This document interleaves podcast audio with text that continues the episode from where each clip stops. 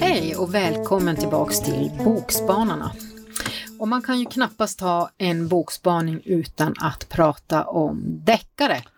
Och vi som ska prata om deckare idag är Magnus. Agneta. och Helene. Och vad börjar vi med? Vem börjar? Ja, men jag kan börja. För att jag har nämligen första delen i en ny serie av Anne Cleeves. Och den kallas för North Devon-serien och jag ser redan fram emot bok två.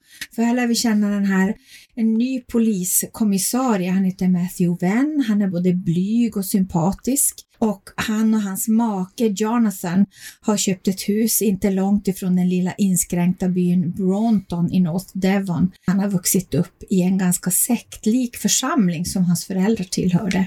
Och när den här läsvärda deckaren tar sin början så har Matthew precis deltagit i sin pappas begravning, men inte i kyrkan utan som oinbjuden åskådare en bit bort. För hans föräldrar bröt nämligen med honom när han som ung student ifrågasatte för församlingens läror, eller irrläror som Matthew tyckte att det var. Han, har, han är ganska ny då på det här stället och han har inte berättat för alla som han jobbar med att han, att han faktiskt har bott där och är uppvuxen så att han känner till bygden väldigt bra. Men han har en, en mycket energisk och vältränad ung kollega, Ross, eh, som ringer precis när begravningen är avslutad. Och Ross berättar att en man har hittat stöd på stranden alldeles intill där Matthews eget hus ligger. Och den här mannen, han har inga papper på sig, ingen telefon eller någonting, men däremot så har han en tatuering av en albatross på halsen. Och så småningom så visar det sig att den här mannen heter Simon Walden och att han var inneboende hos en ung kvinna, Kaz. Och Kaz, hon bor, där bor också en annan kvinna, Gabby, som är konstnär och har fått ett konstnärsstipendium som, och, där, och hon jobbar med sin konst på det stället hon är residenskonstnär på det stället som heter Woodyard där Jonathan, alltså Matthews man, är föreståndare. Så Matthew blir lite orolig för att det, kan, det kommer lite för nära in på hemmet och att det kan bli att han blir jävig om man ska fortsätta att utreda det här fallet. Men hans, eh, hans chef som helst sitter bakom sitt skrivbord och smygdricker whisky, han, han tycker att äh, det, det går bra, du får själv känna efter hur, hur långt du kan gå. Så det här är en, en riktigt bra början på en ny serie. Och det visar sig sen att den här Simon inte var hemlös som man tror från början, utan han hade en annan bostad. Eh, så man kan ju undra också varför han utgav sig för att vara hemlös och flytta in hos de här kvinnorna. Och sen hade han också en, en, ett kärleksförhållande med en av dem. Vem av dem har jag inte tänkt avlöst, avslöja. Men det här är, den är mångfacetterad den här deckaren för att jag, jag tycker om dynamiken mellan den här rättrådige Matthew och hans kollegor. Och sen så förekommer det också flera personer med inlärningssvårigheter och Downs syndrom som har sina, sin dagverksamhet på just det här centret Woodyard. Och sen också att Ann Cleeves pratar om de här unga vuxna i en väldigt kärleksfull ton och så får vi följa också deras föräldrars oro. Så att, och hon, det förekommer också det här gig-ekonomi som är så nytt och så där. så det känns ju verkligen som att Anne Cleeves är med i matchen. Eh, och eh, som sagt var, nu längtar jag otåligt efter del två i North Devon-serien. Mm. Mm. Och eftersom du pratar om Cleaves så får det mig osökt att tänka på, ursäkta, en deckare av Ilaria Tuti, en italiensk författarinna. Boken heter Blommor över helvetet. Och varför jag tänker på Anne Cleaves är för att eh, huvudpersonen i den här boken, kriminalkommissarie och profilerare Teresa Battaglia, hon påminner oerhört mycket om Vera Stanhope från Anne Cleeves Mm, deckare. mm. Och det är en jättebra bok. Ibland kunde jag störa mig lite att jag tyckte att de var nästan lite för lik varandra. Men eh, det finns ju skillnader naturligtvis. För den här eh, kriminalkommissarien Teresa Battaglia, hon börjar oroa sig för att hon har Alzheimer. För att hon börjar glömma saker. Och medan hon oroar sig för det så spelas det upp naturligtvis ett fall då. Man hittar en mördad man utomhus med ögonen borta och med djurfällor arrangerade runt kroppen. Och jag kan säga direkt att det är ingen bok som gottar sig en massa läskigheter och, Nej, och slask faktiskt. Mm. Eh, men den är fruktansvärt hemsk. Och i den här boken så får man också se tillbakablickar. Det är inte varannat kapitel eller så, men ibland så dyker det upp en, en glimt från förr. Och där handlar det om ett barnhem. Det kommer en ung sköterska till ett barnhem och eh, på det här barnhemmet så finns en låst avdelning som hon ska gå in ibland. Och där får hon som eh, instruktion att hon ska de kallas inte för barn i det här, de är subjekten. Eller Ja, objekt eller- eller. Ob objekt eller ja. Ja, någonting. Att hon ska iaktta, dokumentera och glömma. Så det har man då som tillbakablickar. Och det här är, det, det är väldigt spännande, det här fallet. Och jag tycker det är också intressant att följa den här Teresa Battaglia, för hon har inte haft det lätt i den italienska poliskåren som är mansdominerad. Hon har verkligen fått kämpa sig upp till den position som hon har. Och tanken är väl att det ska komma fler böcker i den här serien av Ilaria Totti. Mm. Mm. Och sen är det ju sådana otroliga miljöbeskrivningar. Man känner ju nästan att man är där i de italienska alperna och känner doften av tallbarren. Och Det är så bra. skönt att läsa deckare som inte bara utspelar sig i USA och Mm. England. Men man kan väl inte säga nej till en deckare i England. Det är Nej, ändå det- Storbritannien som är deckarnas Men hemvist. Cleeves, den utspelar sig i Mm. Storbritannien. Ja. För jag har läst Mord är ingen barnlek av C. Allen Bradley som är en Flavia Deleuze-deckare. Det Och låter inte så engelskt. den är engelsk, alltså det är, man skulle kunna säga att det är downtown shabby. Alltså det är efterkrigstid, de har visserligen ett stort ghost, men det regnar in genom taket. Mhm. Pappan håller hela tiden på att bli ruinerad och måste sälja sin eh, frimärkssamling. Det finns någon sån där manhaftig moster, eh, eller pappans syster då, inblandad. En sån där brittisk kompetent kvinna som man får känsla av mustasch. Alltså att de kommer in och Ja, den ser vi precis framför oss. slår paraplyet i bordet och reder upp allting, trots att ingen vill. Men eh, huvudpersonen är då Flavia de Lu- Lu som är 11 år och det är ju ganska ovanlig ålder för en de- detektiv.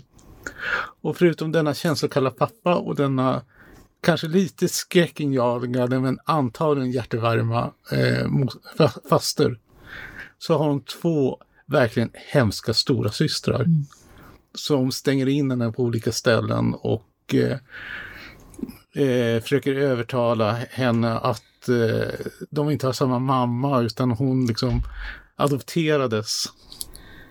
Men ingen har sagt det till henne förrän nu hennes systrar upplyser henne om det här.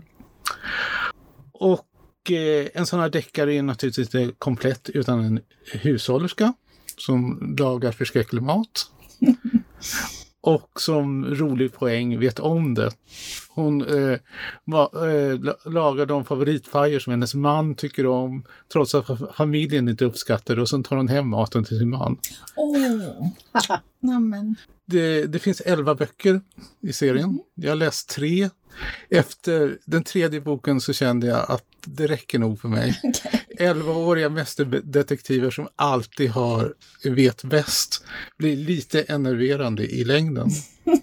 Men fram till dess så kan man njuta verkligen av nostalgi, Englands dröm om sig själv, kanske inte tillbaks till imperiets dagar utan strax innan liksom det, det, det faller, alltså det på fallrepet, men ändå så att man kan titta ba- bakåt. Eh, jag har lyssnat på dem på engelska och en fantastisk uppläsare. En kvinna som är sådana höjdtoner som kan kro- krossa en porslinskopp. Och verkligen underbart. Men kanske i liten dos. Eh, Jag läste en deckare som gjorde mig glad på det sättet att eh, kommissarien där, den manliga kommissarien, inte hade alkoholproblem och han var inte skild och han var inte en buffel. Som jag tycker att det väldigt ofta är, eller ganska ofta i alla fall. Det här var mm, kriminalkommissarie Tom Reynolds som lyckligt gift och en ganska normal människa. Och boken är Förlåt oss våra synder av Joe Spain. Och eh, den här boken faktiskt, av någon konstig anledning, har de här Magdalena-tvätterierna med i. Mm, igen, jag vet inte varför det kommer så mycket nu. Men eh, det är eh, också lite tillbakablickar och eh, fallet som de här teamet måste nysta vidare i, det är att det hittas en sargad nunna i en park. Och spåren leder dem till ett kloster där de måste stanna. De får bo i det här klostret med nunnorna medan de utreder fallet. Och bara det är ju en verkligen annorlunda miljö. Och tillbakablickarna då är det, det börjar med en kvinna som föder ett barn som genast tas ifrån henne. Mm. Spännande, mm. jag säger inget mer. Eh, jag kanske ska berätta om något exotiskt, mm. något som ni aldrig har hört talas om. Det är The Blaft Anthology med Tamil Pulp. Alltså pulplitteratur från Indien. Och pulplitteratur det är alltså sådana här korta hårdkokta eh, noveller som man har publicerat i alltså ett magasin. Ja. Och i alla fall i Indien det verkar finnas en extrem produktion av eh, kriminalnoveller. Alltså att de ger ut kanske 30-40 titlar per månad som innehåller då kanske 10 historier vardera. Och det är det som är fördelen med antologier. För när man skriver liksom så mycket eh, litteratur, allt är ju inte bra. Och då har man någon annan som plöjer igenom det åt en. Och så kan de plocka ah, de allra russinen, bästa russinen. Ja. Och så kan man läsa och så tänker man, oj, man kanske skulle lära sig läsa tamilen då. Mm -hmm. För att kunna njuta av det här. Men det är hårdkokt, extremt hårdkokt. Det är liksom kvinnor i safari, eller sari, eh, på skoter. Som med sådana glocks som skjuter liksom folk mitt i pannan. Oj, så lite de har, James Bond. Lite James ja. Bond. Men naturligtvis är de ju alltid då förälskade i sin chef och eh, moralen kräver ju att de kanske inte gifter sig på slutet men att de blir ett steg närmare mm. att de liksom ska bli ett par. Hur upptäckte du det här? Eh, jag läste om det på nätet. Eh, jag är förtjust i pulplitteratur och mm. då vill man ju kanske, man tröttnar på Los Angeles på 30-tal, på mm. den hårdheten, då kan man prova lite annan hård, hårdhet istället. Jag tänkte jag skulle ta med er till Lund till Karin Wahlberg som tidigare har skrivit om Claes Claesson och Veronica Lundborg, men hon har gjort ett långt uppehåll och skrivit om, om eh, bland annat en bok som heter Cancerland om sin egen cancersjukdom och sen har hon skrivit om eh, eh böcker som utspelar sig på sjukhus på ja, vad kan det vara, 40-50-talet, någonting sånt. Men nu har vi i alla fall fått träffa Claes Claesson och Veronica Lundborg igen. Och tillsammans med sina två små barn, då, Klara och Nora, så har de flyttat till Lund, ganska nära eh, Veronikas dotter. Och hon bus, Veronica hon busspendlar till kirurgkliniken i Malmö och Claes han cyklar till sitt jobb i polishuset. Och de börjar så sakteliga klimatisera sig. Den enda som inte trivs det är tioåriga Klara. För hon har det väldigt svårt med fyra klasskompisar som verkligen inte är snälla mot henne. Så hittas ju en kvinna död i en sommarstuga och Eh, man, jag blir ibland lite trött på att det alltid är kvinnor som mördas. Men faktiskt så var det ju så i Al Albatross att det var en man som dödades och eh, i Helens bok så var det ju också en man som dödades. Hur hade du det med Det är mest äh, män som dödas. Ja, bra. Så vi har brutit bra, bra, trenden. Ja, det är bra, det låter bra. Eh, I alla fall så hittar man då en kvinna död i en sommarstuga och de upptäcker ju ganska snart att det ser ut som mord. Och Claes han får en ny grupp kollegor att, att arbeta med och eh, första frågan de ställer sig det är ju naturligtvis vem som har mördat henne men även varför, för att hon är till synes helt oförvitlig och eh, hon har både dödats och har en ovanlig drog i kroppen.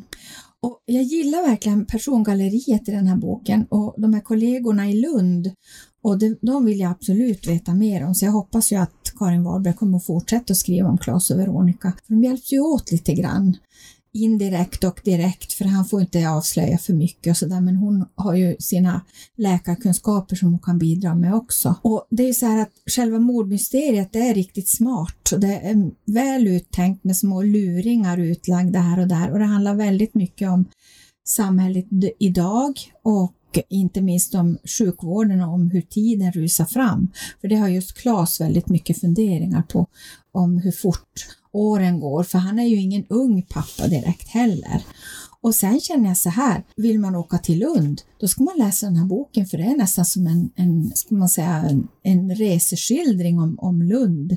Så nu vill jag att de ska komma tillbaka igen och det är ju så här att Veronica hon ska dessutom bli mormor för hennes dotter väntar barn. Men det är väl en sån där trend, alltså sån här upplevelseturism baserat på deckare? Ja, kanske det. Jag tror ja. att de har haft Wallanderpromenader ja, ja, det har i Ystad. De haft, ja, och eh, i Stockholm har de ju haft, eh, ni vet, Stig Larssons ja, Millennium, ja, Millenniumböckerna. Mm. Men om man nu ska läsa Karin Wahlberg, om man inte har läst den här serien sedan tidigare, så tycker jag man ska börja med den första boken som heter Sista jouren. Mm. Mm.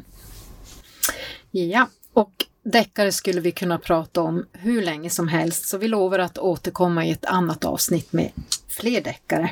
Och de deckare som vi har pratat om idag är Joe Spains Förlåt oss våra synder, Ilaria Toti Blommor över helvetet och Magnus pratade om Mord ingen barnlek av C. Alan Bradley och The Bluffed Anthology av Tamil Pulp. Mm.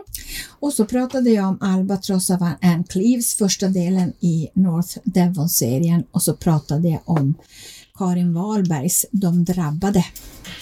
Tack för att ni lyssnade och på återhörande.